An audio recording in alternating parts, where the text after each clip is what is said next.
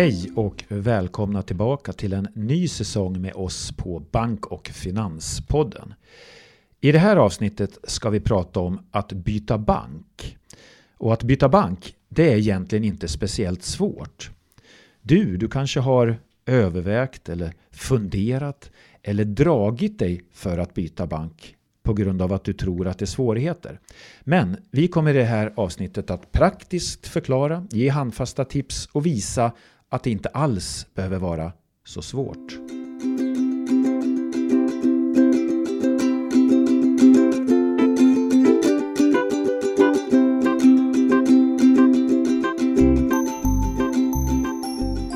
Jag heter Fredrik Pettersson och med mig i studion har jag som vanligt min kollega Eva Lindström. Hej Eva! Hej Fredrik! Jo, idag har vi ju pratat om det här med att byta bank. Har du bytt bank förresten? Ja, det har jag ju i och för sig gjort, fast inte bytt helt och hållet. Jag har eh, flera banker. Ja, varför har du flera banker?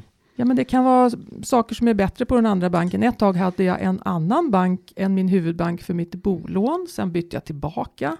Sen har jag en annan bank för ett ISK och där de hade lite mer fonder. Så jag har tre banker idag faktiskt, men en huvudbank. Oj, tre huvudbanker. Och jag har ju haft i princip samma bank sedan jag var barn.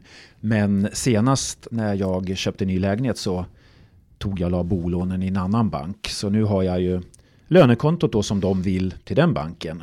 Men jag har också två banker och det kan ju vara lite extra kostnader men jag tycker det är ganska bekvämt ändå. Mm. Men varför skulle man kunna tänka sig att byta bank? Ja, det är precis som jag gjorde. Man kanske får bättre ränta på bolånen eller man träffar en partner som har en annan bank. Eller om vi nu tänker tillbaka den senaste tiden så har det varit lite penningtvättsskandaler och annat och då kanske man byter av etiska skäl eller av moraliska skäl eller att en bank, en annan bank flyttade ju till Finland och då kommer man på nej, jag vill nog ändå ha en svensk bank. Ja. Då ska vi egentligen gå igenom hur man gör. Är det svårt att byta bank, Eva?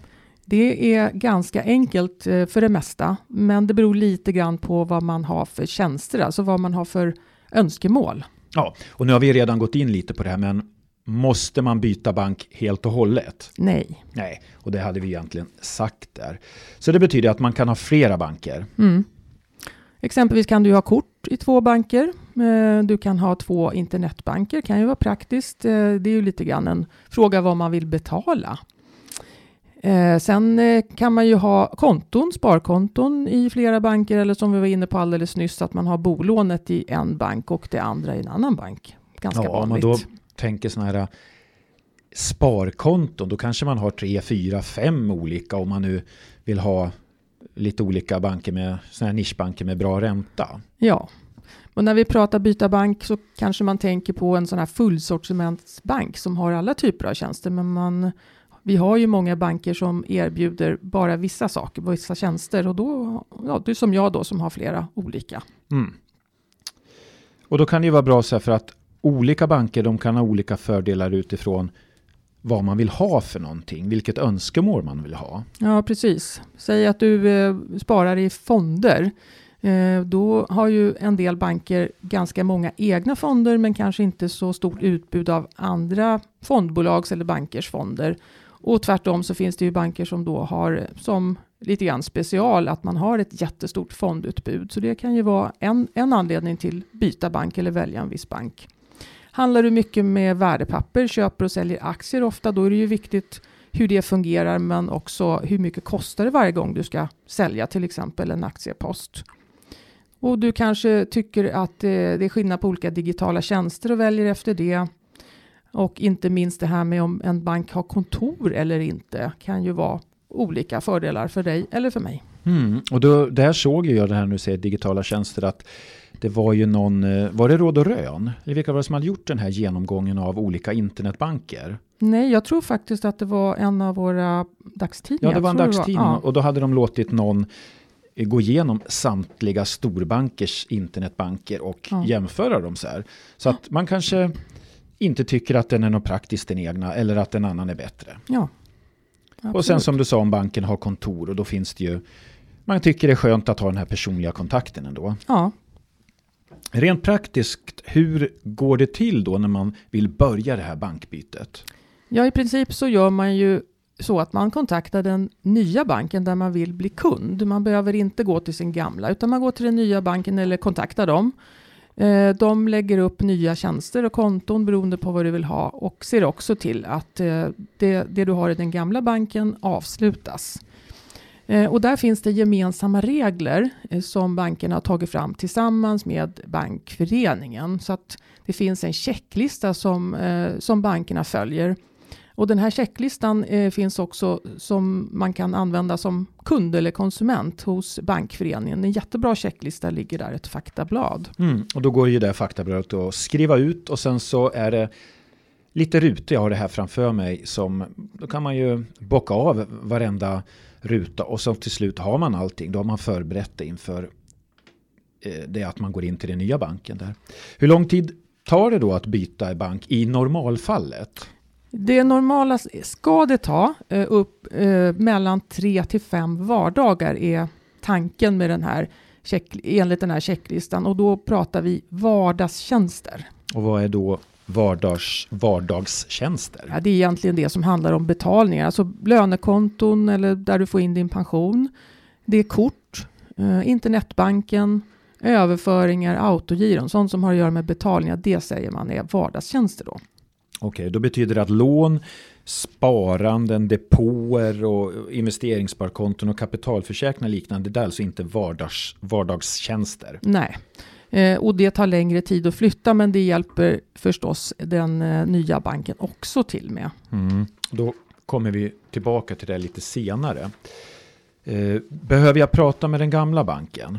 Nej, utan den nya banken sköter allting åt dig skickar avslutsuppdrag och liknande och lägger upp det nya. Eh, men det som är bra att tänka på för dig själv, eh, det är ju att innan du kontaktar den nya banken så tänk igenom vad är det du vill flytta för någonting. Är det allt eller bara en del saker? Och vad är det du har? Eh, konton förstås, vilka kort har du? Och internetbank, har du stående överföringar? är viktigt att tänka på. Har du autogiron, har du e-fakturor och så vidare. Gå igenom det själv så du vet vad ja, vad din flytt ska innehålla för någonting. Mm. Och där har du ju också nytta av den här checklistan som vi säger igen då. Ja, och du sa du autogiron, det får vi ju ibland frågor om. Och hur fungerar det? Måste jag lägga upp ett nytt autogiro? Nej, det behöver man inte göra, utan det ska räcka att du säger till din nya bank då att du har autogiron. Så ser de till att de flyttas över. Du behöver alltså inte ja, lämna över någon lista eller så, utan det räcker att du har autogiron. Mm. Sen är det ju många som har e-fakturor liggande i sin internetbank. Och hur, hur går jag tillväga med dem? Ja, de kommer eh, avslutas automatiskt i den gamla banken. Det, det ordnas. Men däremot så måste du själv där lägga upp dem på nytt i din nya bank. Du får alltså gå in i din nya internetbank och lägga upp nya e-fakturor. Ah, så kommer de till den nya banken ja. nästa gång? Ja. Och det som man kan komma ihåg där är ju då att eh, eh, gamla e-fakturor kommer ju då inte följa med till den nya banken om du vill kunna gå tillbaks. Ja. Så se till i så fall att du skriver ut dem eller någonting om du vill kunna gå tillbaka. Men det är ju ett bra råd att ha det där dokumenterat och vad man har gjort för betalningar. Sen har vi ju det här med bank-id också. Hur, hur fungerar det? Ja, ditt bank-id fortsätter fungera eh, fastän du har bytt bank. Det spelar ingen roll eh, så länge det är giltigt, för det har ju en viss giltighetstid.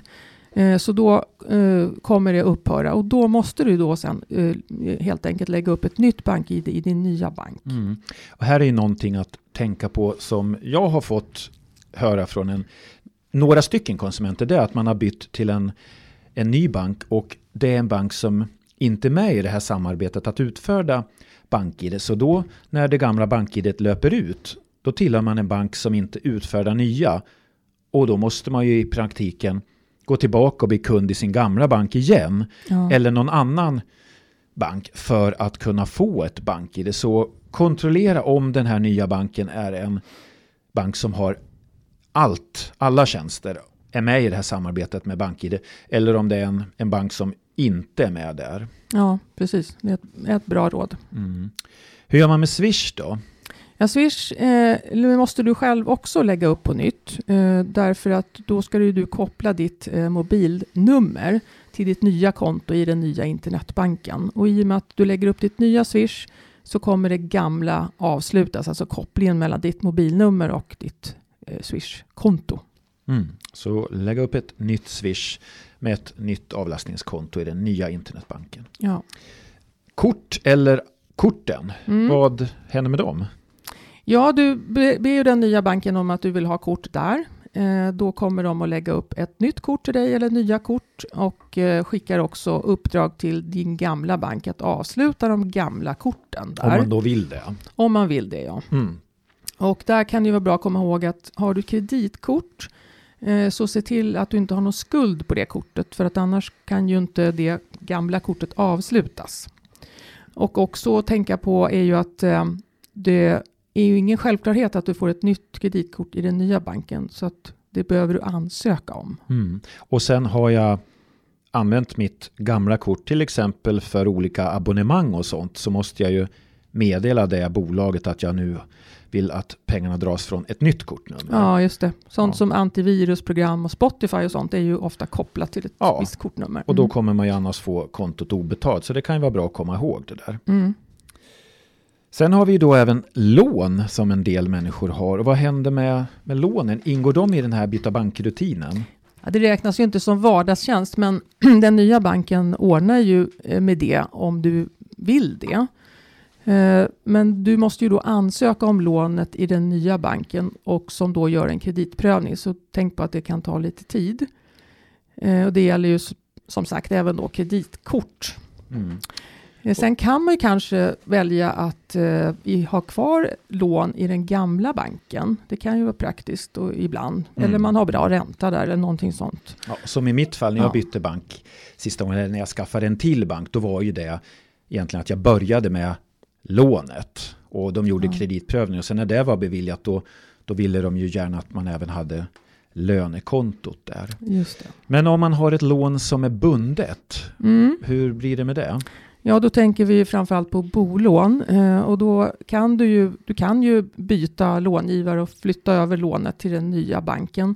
Men då kan du ju få betala så kallad ränteskillnadsersättning eh, när du löser bort det gamla lånet. Så det är ju något att tänka på. Och av det skälet så är det ju ofta så att man kanske inte flyttar bolånet samtidigt som man byter bank för sina vardagstjänster utan man låter det ligga kvar. Mm. Eh, en annan sak när det gäller bolån det är ju det här med amorteringskraven.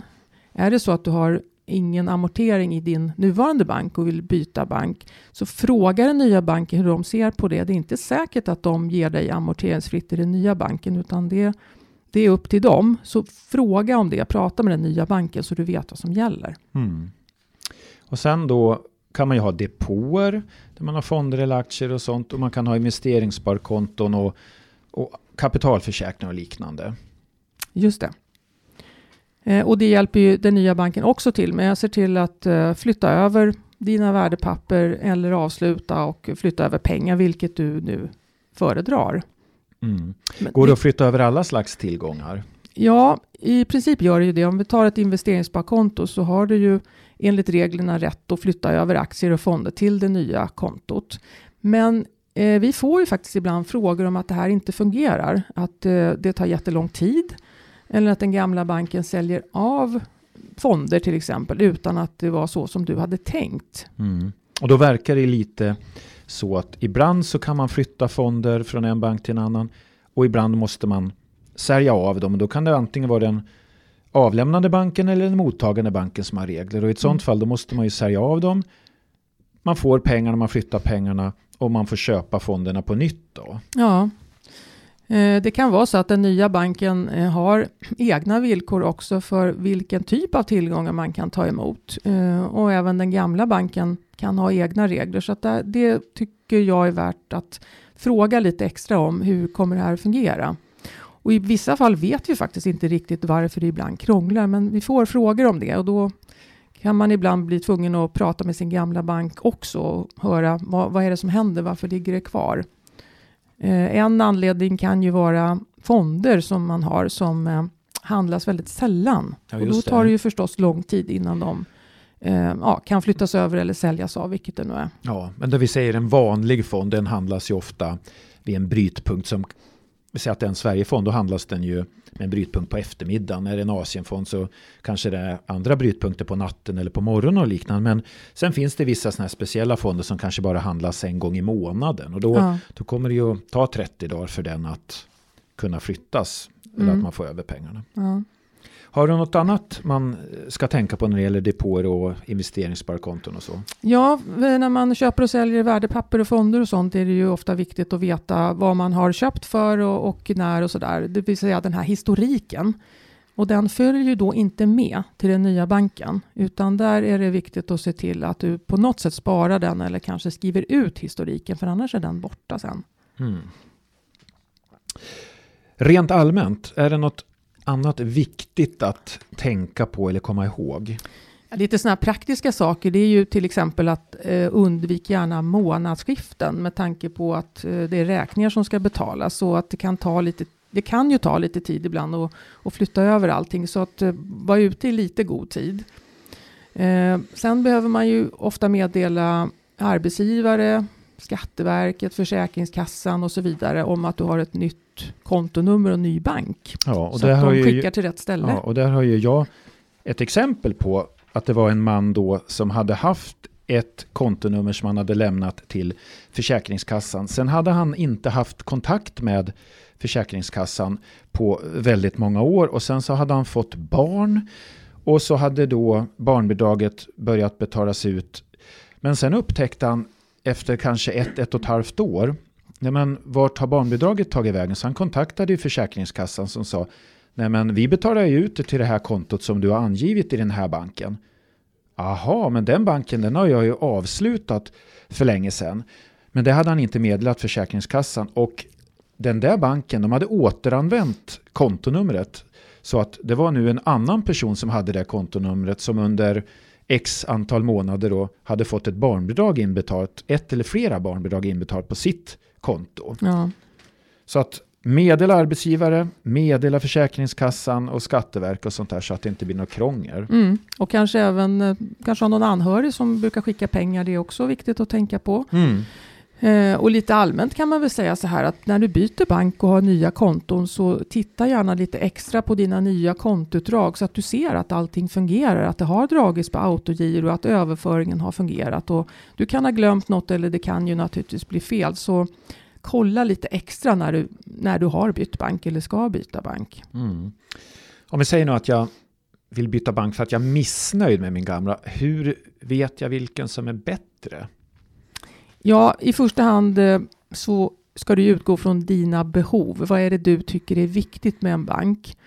Exempelvis eh, vill du ha tillgång till kontor där du kan gå in och, och prata med någon så är ju det en, en, en, viktig sak att välja efter. Eller du vill ha helt enkelt att det finns kontanter på kontoret så mm, har du ju mm. det som en viktig parameter.